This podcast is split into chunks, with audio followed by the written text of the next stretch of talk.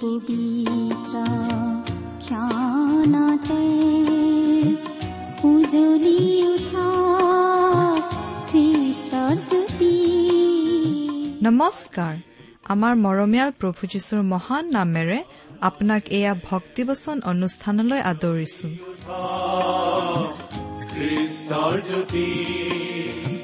আকাশ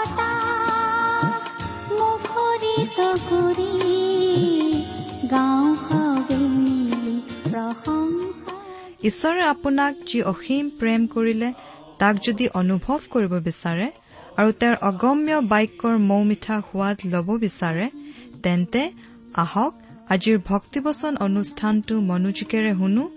এয়া আপোনালৈ আগবঢ়াইছো ঈশ্বৰৰ জীৱন্ত বাক্যৰ অনুষ্ঠান ভক্তিবচন।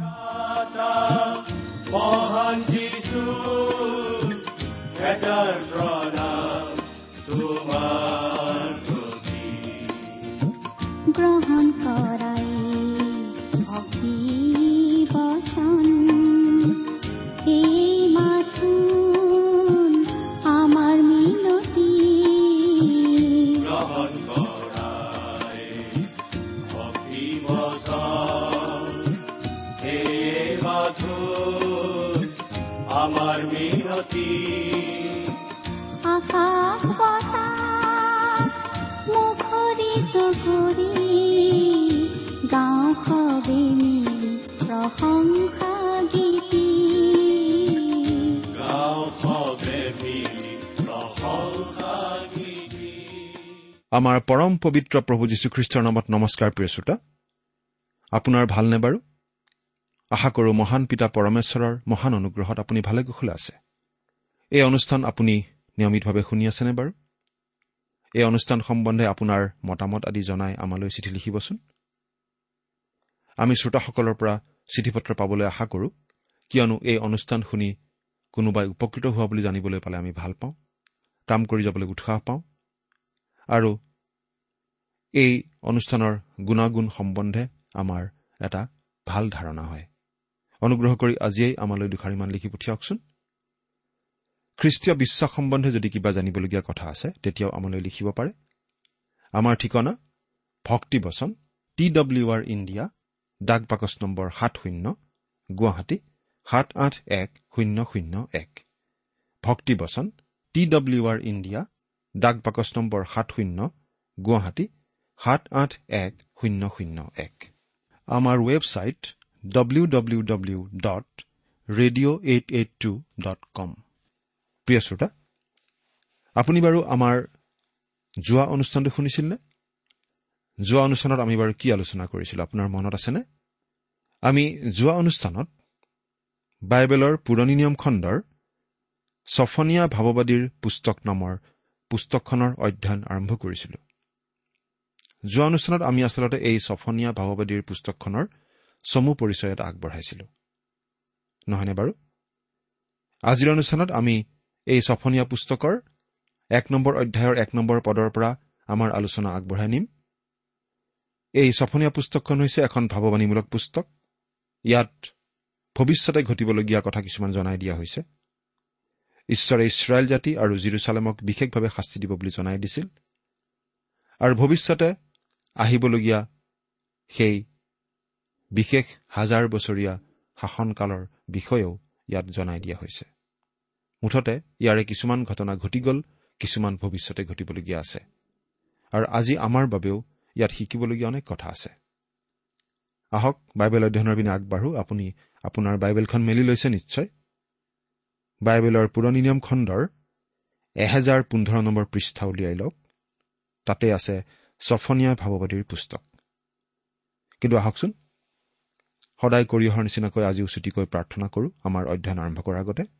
আমি প্ৰাৰ্থনা কৰিম স্বৰ্গত থকা মহান পিতৃ ঈশ্বৰ তোমাৰ মহান নামৰ ধন্যবাদ কৰোঁ। তুমি সৰ্বশক্তিমান সৰ্বব্যাপী ঈশ্বৰ। তুমি সৰ্বজ্ঞানী ঈশ্বৰ। তুমি কৰুণাৰ আকৰ তুমি দয়াময় তুমি প্ৰেমময়। আমালৈ তুমি তোমাৰ মহান প্ৰেমৰ পৰিচয় দি আমাক উদ্ধাৰ কৰিবলৈ নৰকৰ পথৰ পৰা বচাবলৈ তোমাৰ একেজাত পুত্ৰ যীশুখ্ৰীষ্টকে এই পৃথিৱীলৈ পঠালা। তেওঁ মানুহৰূপে আহিল আৰু আমাৰ পাপৰ প্ৰায়চিত্ৰ কৰিবলৈ ক্ৰুচত নিজকে বলি হিচাপে আগবঢ়ালে। পাপৰ শাস্তি যে মৃত্যু আমাৰ প্ৰাপ্য আছিল আমাৰ সলনি সেই শাস্তি তেওঁ গ্ৰহণ কৰিলে। যাতে তেওঁত বিশ্বাস কৰি আমি সকলো পাপৰ ক্ষমা লাভ কৰি পৰিত্ৰাণ পাব পাৰোঁ আৰু তোমাক আজি পিতৃ বুলি মাতিব পৰা হৈছো তাৰ বাবে। তোমাক অশেষ ধন্যবাদ জনাইছো। আমালৈ তোমাৰ সেই প্ৰেমৰ উপহাৰ আগবঢ়োৱাৰ বাবে। এতিয়া আমি তোমাৰ মহান বাক্য বাইবেল শাস্ত্ৰ অধ্যয়ন কৰিবলৈ ওলাইছো। প্ৰাৰ্থনা কৰিছো। তুমি আমাক তোমাৰ বাক্য বুজিবলৈ বিশেষভাৱে সহায় কৰা। আমাৰ প্ৰতিজনৰ আগত তুমি নিজকে অধিককৈ প্ৰকাশ কৰা। এই অনুষ্ঠান আগ্ৰহেৰে শুনি থকা শ্ৰোতাসকলৰ জীৱনত তোমাৰ আশীৰ্বাদ বৰষাই দিয়া। তেওঁলোকৰ সকলো অভাৱ অভিযোগ তুমি পূৰণ কৰা। জাগতিক অভাৱ অভিযোগবিলাকৰ লগতে তেওঁলোকৰ আম্মিক জীৱনৰ অভাৱ অভিযোগো তুমি পূৰণ কৰা। কিয়নো এই প্ৰাৰ্থনা আমাৰ পাপৰ প্ৰায়চিত্ৰ কৰিবলৈ ক্ৰুচত প্ৰাণ দি তৃতীয় দিনা পুনৰ জি উঠি এতিয়া স্বৰ্গত আমাৰ বাবে নিবেদন কৰি থকা ত্ৰাণকৰ্তা প্ৰভু যীশুখ্ৰীষ্টৰ নামত আগবঢ়াইছো। আহমেন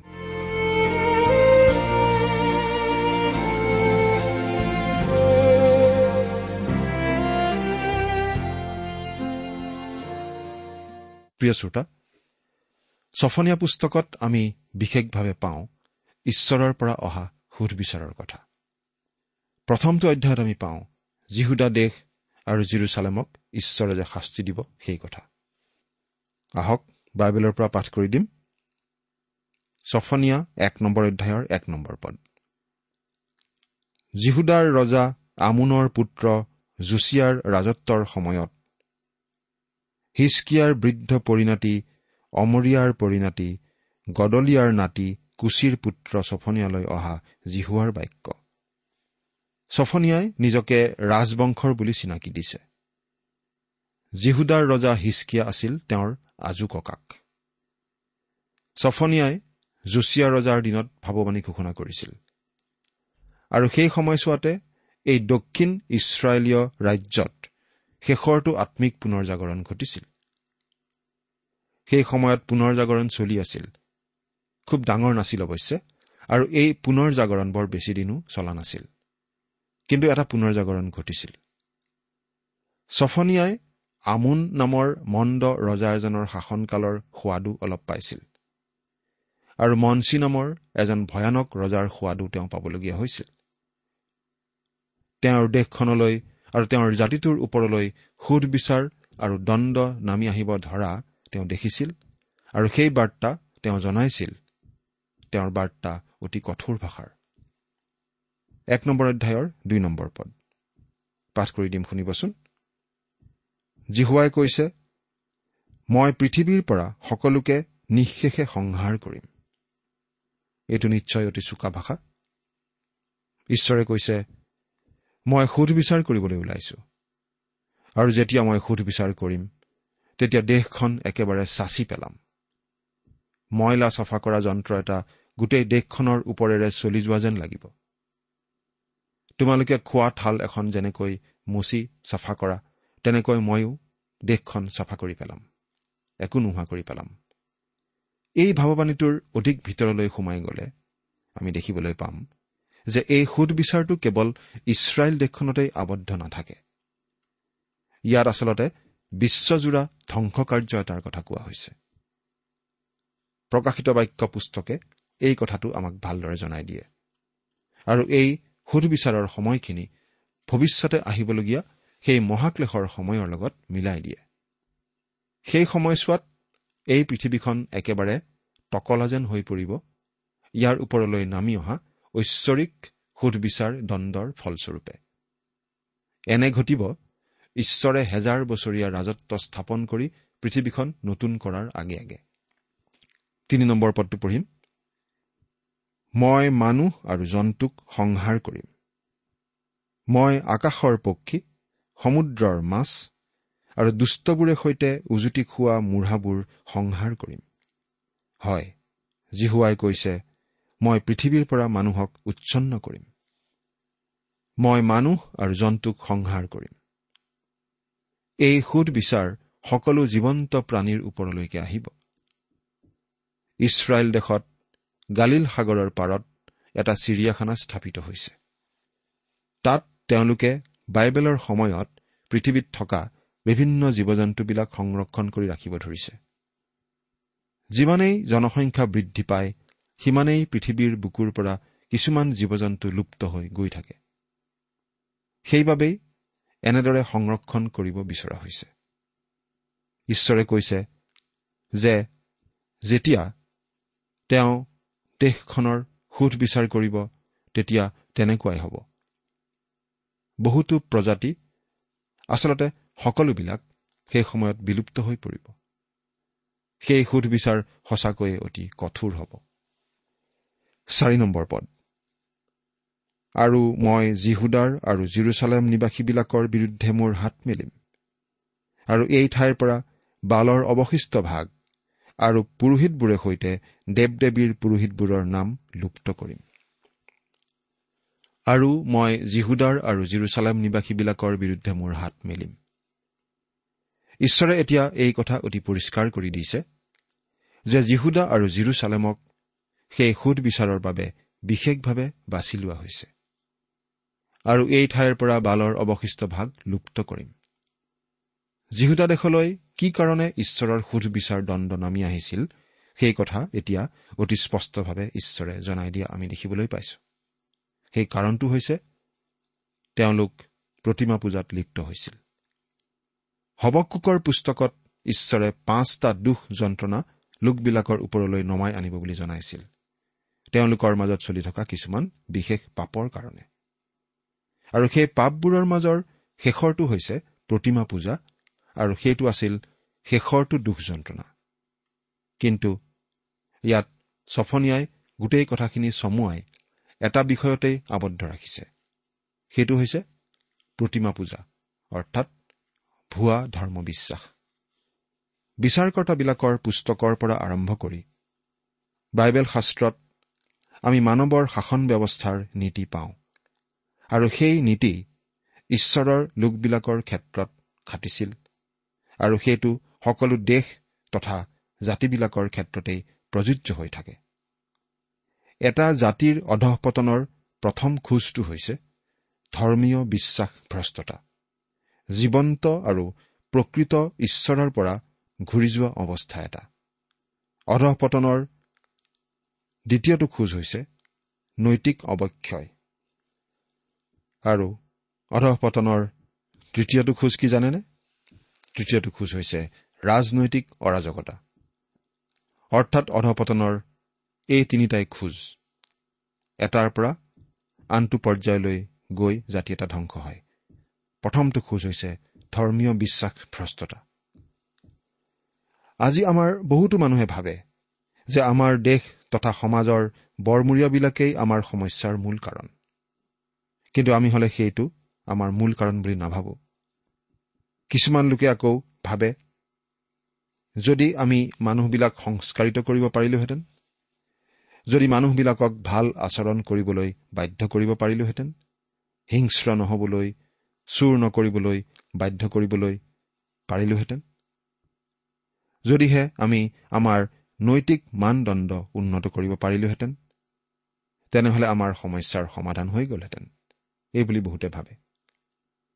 আমি ভাবো সেইটোও আচলতে আমাৰ মূল সমস্যা নহয়। অতি খোলাখুলিকৈ আমি এই বুলি ক'ব পাৰোঁ যে আমাৰ আচলতে মূল সমস্যাটো হৈছে বিশ্বাসভ্ৰষ্টতা আৰু অবিশ্বাস। সমস্যাটো আচলতে মানুহত আছে। খ্ৰীষ্টীয় মণ্ডলীয়েও ঈশ্বৰৰ বাৰ্তা দিয়াত ব্যৰ্থ হোৱা বুলি আমি ক'ব পাৰোঁ। অৱশ্যে সকলো খ্ৰীষ্টীয় মণ্ডলীৰ কথা আমি ক'ব খোজা নাই বাইবেলৰ কথা নিভাজভাৱে কোৱা আৰু শিকোৱা বহুতো মণ্ডলী নিশ্চয় আছে। আৰু ঈশ্বৰৰ বাক্যৰ হকে থিয় দিয়া দৃঢ় বিশ্বাসী পালক বহুতো আছে। সেই কথাত নিশ্চয় সন্দেহ নাই। কিন্তু সাধাৰণভাৱে চাবলৈ গ'লে বহুতো ডাঙৰ ডাঙৰ দলে সামূহিকভাৱে বিশ্বাসৰ পৰা আঁতৰি গৈছে। তেওঁলোক এনে এটা অৱস্থালৈ আহিছে যে জাতিটোক প্ৰভাৱশীল বাৰ্তা এটা দিয়াৰ ক্ষমতা তেওঁলোকৰ নোহোৱা হৈ পৰিছে। তদুপৰি ব্যক্তিগত হিচাপেও বহুতো লোক বিশ্বাসভ্ৰষ্টতাত ভুগিছে। ফলস্বৰূপে এই বিশ্বাসহীনতা আৰু বিশ্বাসভ্ৰষ্টতাই নৈতিক অৱক্ষয় আৰু ৰাজনৈতিক উচ্ছৃংখলতা আদিৰ জন্ম দিছে। আপুনি হয়তো ভাবিব পাৰে এয়া পুৰণিকলীয়া ধৰ্মভীৰু মানুহে কোৱা কথা। কিন্তু এয়েই সঁচা কথা। কিছু বছৰ আগতে পশ্চিমীয়া দেশ এখনৰ এখন ডাঙৰ মহানগৰৰ পৰা প্ৰকাশিত বাতৰি কাকতৰ সম্পাদকীয়ত। কোনো ধৰণৰ আম্মিক বাৰ্তা দিয়াত খ্ৰীষ্টীয় মণ্ডলী ব্যৰ্থ হোৱা বুলি কৈ এনেদৰে সামৰণি মাৰিছিল। খ্ৰীষ্টীয় ধৰ্মৰ নামত খ্ৰীষ্টক অৱহেলা কৰা কাৰ্যটোৱেই আমাৰ সমাজত খুলি খুলি খোৱা নৈতিক আৰু আম্মিক ৰোগৰ এটা প্ৰধান কাৰণ। দুখ লগা কথা এইয়ে যে মণ্ডলীয়ে আৰু আজিকালি জাতীয় চৰিত্ৰ গঢ়াত প্ৰভাৱ নেপেলায়। মানুহে আজিকালি উপাসনা সেৱা এটাত যোগ দিয়াৰ এটা স্বভাৱগত হেঁপাহৰ বাবেহে গীৰ্জালৈ যায়। শিক্ষকসকলৰ পৰা কিবা আম্মিক নিৰ্দেশনা পাবলৈ আশা কৰি নাযায়। এই কথাখিনি খ্ৰীষ্টীয় মণ্ডলীক লাজ দিয়া কথা। এই অভিযোগ আচলতে গোটেই পৃথিৱীৰ খ্ৰীষ্টীয় মণ্ডলীৰ ক্ষেত্ৰতেই খাটে বুলি ক'ব পাৰি। গিবন নামৰ ইতিহাসবিদ এজনে এই মত প্ৰকাশ কৰিছিল যে ৰোমৰ অধপতনৰ মূল কাৰণ আছিল পাঁচটা। প্ৰথম কাৰণটো হৈছে পৰিয়ালৰ সন্মান আৰু পবিত্ৰতাৰ প্ৰতি অৱহেলা। যি পৰিয়াল মানৱ সমাজৰ মূল ভেটি। দ্বিতীয় কাৰণটো হৈছে ক্ৰমাৎ বাঢ়ি গৈ থকা কৰৰ বোজা। জনগণৰ বাবে বিনামূলীয়া ৰুটি আৰু আমোদ প্ৰমোদৰ বাবে ৰাজহুৱা ধনৰ অৱচয় তৃতীয় কাৰণটো আছিল ভোগবিলাসৰ বাবে পাগলৰ নিচিনা হাবিয়াস। খেল ধেমালিবিলাক প্ৰতি বছৰে অধিক উপভোগ্য অধিক নিষ্ঠুৰ আৰু অধিক অনৈতিক হৈ পৰিছিল। চতুৰ্থতে অতি বিশাল অস্ত্ৰ ভাণ্ডাৰ গঢ়াত মনোনিৱেশ। কিন্তু আচল শত্ৰু ঘৰতে বহি আছিল ব্যক্তিগত দায়িত্বৰ অৱক্ষয়। পাঁচ নম্বৰ কাৰণটো ধৰ্ম ব্যৱস্থাৰ অৱক্ষয়। কেৱল এটা ঠাঁচত পৰিণত হৈছিল। জীৱনৰ সৈতে সংস্পৰ্শ নোহোৱা হৈছিল। আৰু মানুহক দিক নিৰ্দেশনা দিয়াৰ শক্তি নোহোৱা হৈ গৈছিল। ছফনীয়া পুস্তকৰ বাৰ্তাই মানৱৰ শাসন ব্যৱস্থাৰ এই আধ্যাত্মিক নীতি উপস্থাপন কৰে। আৰু তেওঁ দক্ষিণ ইছৰাইল ৰাজ্য অৰ্থাৎ জিহুদা দেশৰ অতিশয় গেলা ঘাঁহডোখৰলৈকেই আঙুলিয়াই দিছিল। সেই ঘাঁহডোখৰ কি? সেয়া হৈছে প্ৰতিমা সেৱা। কি ঘটি আছিল সেইবোৰ চফনীয়াই দেখিছিল। মানুহবিলাক ক্ৰমাৎ অধঃপতনৰ দিশত অগ্ৰসৰ হৈ গৈ আছিল আৰু ঈশ্বৰৰ পৰা সুধবিচাৰ তেওঁলোকৰ ওপৰলৈ আহিব ধৰিছিল। আচলতে সকলো জাতিয়েই এই প্ৰতিমা সেৱাৰ বিষয়টোৰেই অপথে গৈছে।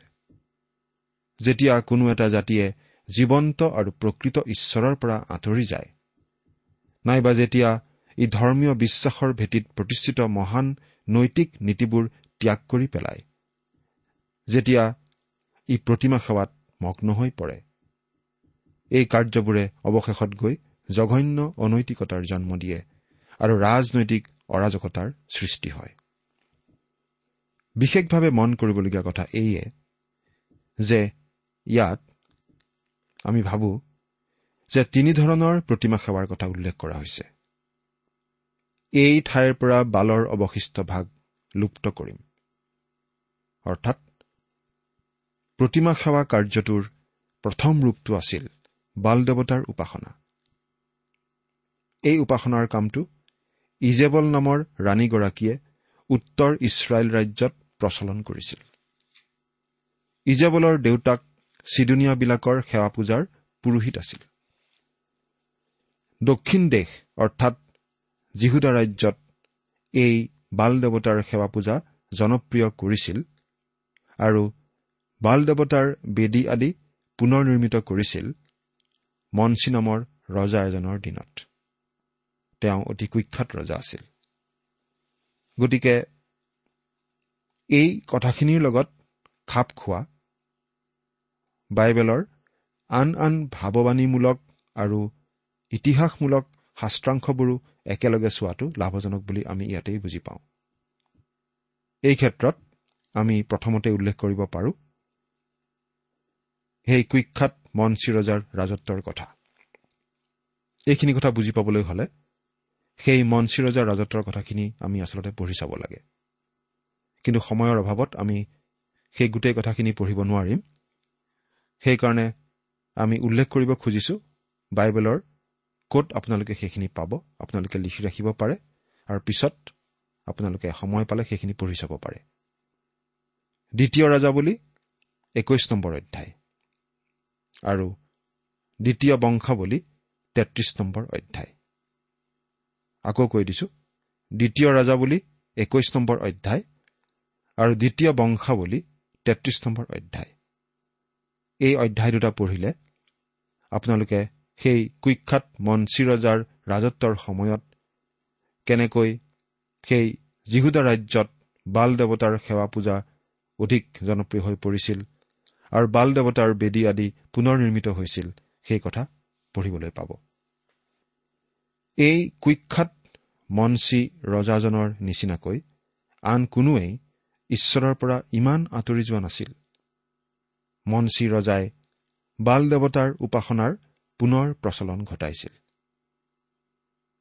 সেই উপাসনাৰ কাৰ্যটো অতি অনৈতিক প্ৰকৃতিৰ উপাসনা কাৰ্য আছিল। বাল দেৱতাৰ উপাসনাৰ লগতে দেৱী অস্থুৰতৰ উপাসনাও চলিছিল। যেতিয়া সেৱা উপাসনাত নাৰী প্ৰকৃতিও সন্নিৱিষ্ট কৰা হ'ল তেতিয়া আমি অনৈতিকতাৰ পয়োভৰ ঘটাও দেখিবলৈ পাওঁ। আৰু এইটো স্বাভাৱিক কথা। বাল দেৱতাৰ উপাসনাৰ লগতে অস্থুৰত দেৱীৰ উপাসনাও এনেদৰে চলোৱাৰ ফলত নানা ধৰণৰ অনৈতিক কাৰ্য ঘটিবলৈ ধৰে। আৰু এনেদৰেই এই সময়ছোৱাত জাতিটোৰ মাজত অবাধ অনৈতিকতা চলিবলৈ আৰম্ভ কৰিছিল। সেই বাল দেৱতাৰ উপাসনাটো প্ৰকৃতি উপাসনাৰ এটা বিশেষ ৰূপ আছিল। আৰু সেই উপাসনা কৰা কাৰ্যটো অতি লেতেৰা প্ৰকৃতিৰ উপাসনা কাৰ্য আছিল।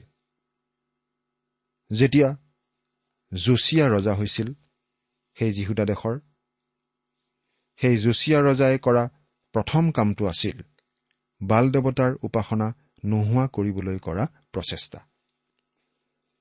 সেই যোচিয়া ৰজাৰ বিষয়েও আপুনি পঢ়ি চাব পাৰে দ্বিতীয় ৰাজাৱলী আৰু দ্বিতীয় বংশাৱলীত। আৰু পুৰোহিতবোৰে সৈতে দেৱ দেৱীৰ পুৰোহিতবোৰৰ নাম লুপ্ত কৰিম। দেৱ দেৱীৰ পুৰোহিত বুলি যে কোৱা হৈছে তেওঁলোক আচলতে কলা পুৰোহিত আছিল। অৰ্থাৎ তেওঁলোকে কলা পোছাক পৰিধান কৰিছিল। এটা কথা আমি মন কৰা উচিত যে আজিকালি ছয়তানৰ উপাসনা কৰা পুৰোহিতবিলাকেও কলা সাজ পৰিধান কৰা কথাটো বিশেষভাৱে মন কৰিবলগীয়া। গতিকে আজিকালি যে ছয়তানৰ উপাসনা চলিছে সেইটো একো নতুন কথা নহয়। একালত সেই ঘীনলগীয়া সেৱা উপাসনাত পুৰোহিতালী কৰা লোকবিলাকৰ পৰাই আজি ছয়তান উপাসকসকলে এই কলা ৰঙৰ পোছাক পাইছে। চুফনীয়া ভাৱবাদীয়ে জনাই দিছে যে এই পুৰোহিতবিলাকৰ সুধবিচাৰ ঈশ্বৰে কৰিব। ঈশ্বৰে যেনেদৰে কৈছিল তেনেদৰেই সেই সকলো কৰিছিল। কিয়নো ঈশ্বৰৰ বাক্য অথলে নাযায়। ঈশ্বৰে অন্যায় অত্যাচাৰ অবিচাৰ অনৈতিকতা মন্দতা বেছিদিন নসহে। আৰু এই পৃথিৱীৰ পৰা এদিন চিৰকালৰ বাবে এই সকলো তেওঁ লুপ্ত কৰিব। কিয়নো তেওঁৰ বাক্য বিফল নহয়। আৰু সেই শেষ লক্ষ্য আগত ৰাখিয়েই ঈশ্বৰে কাম কৰি গৈ আছে। কিন্তু বৰ্তমানে আমাক উদ্ধাৰ পোৱাৰ উপায় তেওঁ দিছে। তেওঁৰ একেজাত পুত্ৰ যীশুখ্ৰীষ্টৰ জৰিয়তে। সেই খ্ৰীষ্টক পৰিত্ৰাতা বুলি গ্ৰহণ কৰি আমি ভৱিষ্যতৰ সেই সোণালী দিনত প্ৰৱেশ কৰিব পাৰোঁ। সেই সুবিধা আপুনি বাৰু গ্ৰহণ কৰিছেনে? চিন্তা কৰি চাওকচোন। ঈশ্বৰে আপোনাক আশীৰ্বাদ কৰক। আমেন।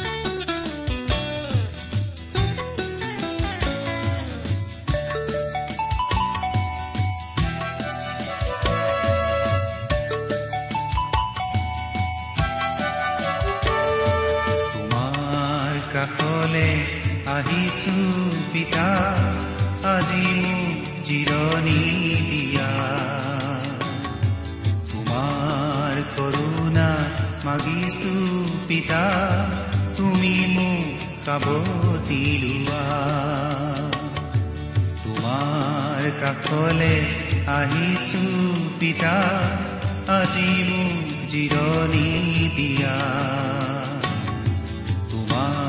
কৰোণা মাগিছো পিতা তুমি মোক কাবতি লোৱা।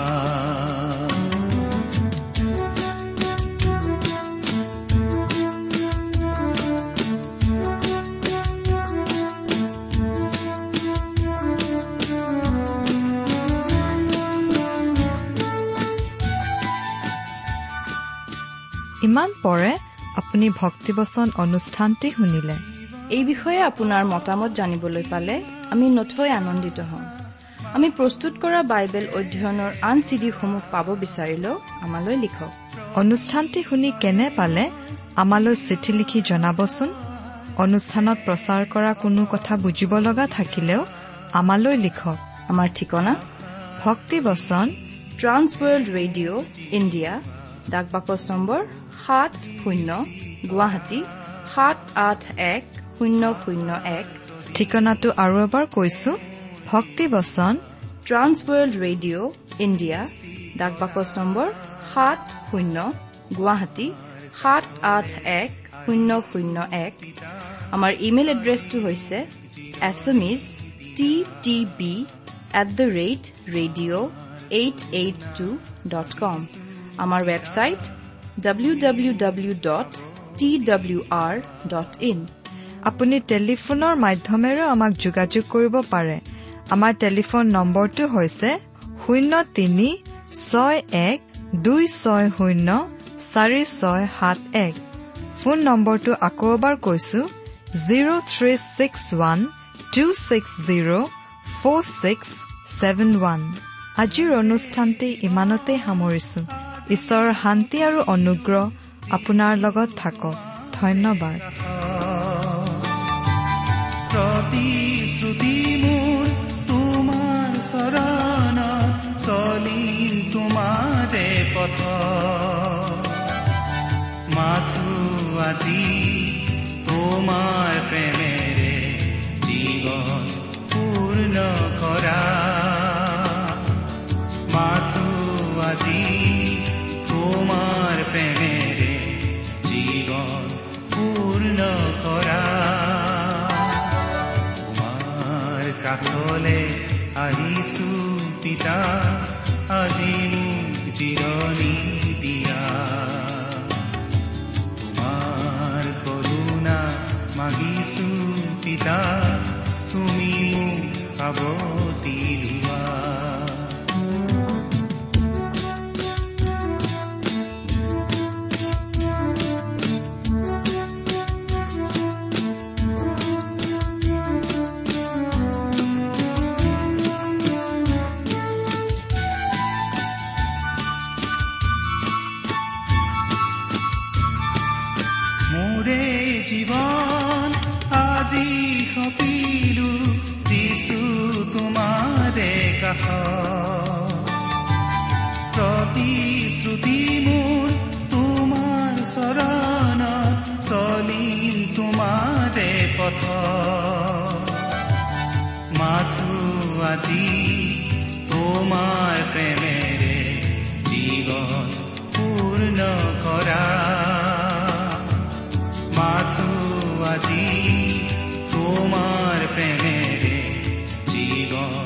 পূৰ্ণ কৰা তোমাৰ কাষলে আহিছো পিতা আজি মোক জিৰণি দিয়া তোমাৰ কৰোণা মাগিছো পিতা তুমি মোক সাৱতি লোৱা তোমাৰ কাষলে আহিছো পিতা আজি মোক জিৰণি দিয়া তোমাৰ কৰোণা মাগিছো পিতা তুমি মোক সাৱতি লোৱা তুমি মোক জিৰণি দিয়া তুমি মোক কাবতি